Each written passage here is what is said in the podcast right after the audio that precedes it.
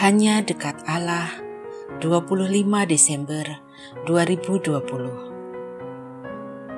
Menjaga mulut Amsal 13 ayat 2 sampai 3 Dari buah mulutnya seseorang akan makan yang baik tetapi nafsu seorang pengkhianat ialah melakukan kelaliman.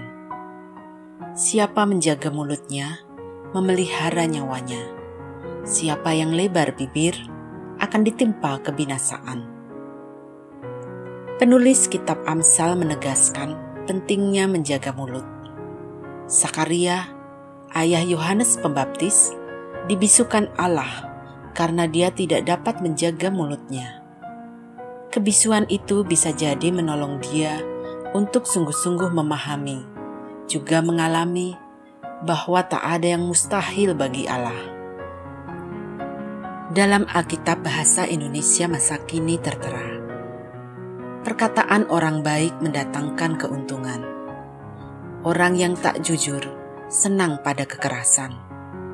Orang yang hati-hati dalam tutur katanya akan aman hidupnya. Orang yang bicara sembarangan akan ditimpa kemalangan. Sahabat, masih berkait dengan mulut Yusuf, orang tua Yesus, adalah tokoh Alkitab yang tak pernah diberi suara oleh para penulis Injil. Tak ada yang mencatat perkataan Yusuf. Hidupnya memang tak terlalu lama. Namun demikian, tindakan Yusuf lebih nyaring kedengaran ketimbang kata-katanya. Perhatikanlah bagaimana dia mengambil prakarsa untuk menceraikan Maria secara diam-diam. Dia lebih suka sakit ketimbang menyakiti tunangannya. Perhatikan pula bagaimana akhirnya dia mengambil Maria sebagai istri atas petunjuk malaikat. Dan selanjutnya, bagaimana dia menyelamatkan Yesus dari rencana pembunuhan yang dilakukan Herodes. Sekali lagi, atas petunjuk malaikat.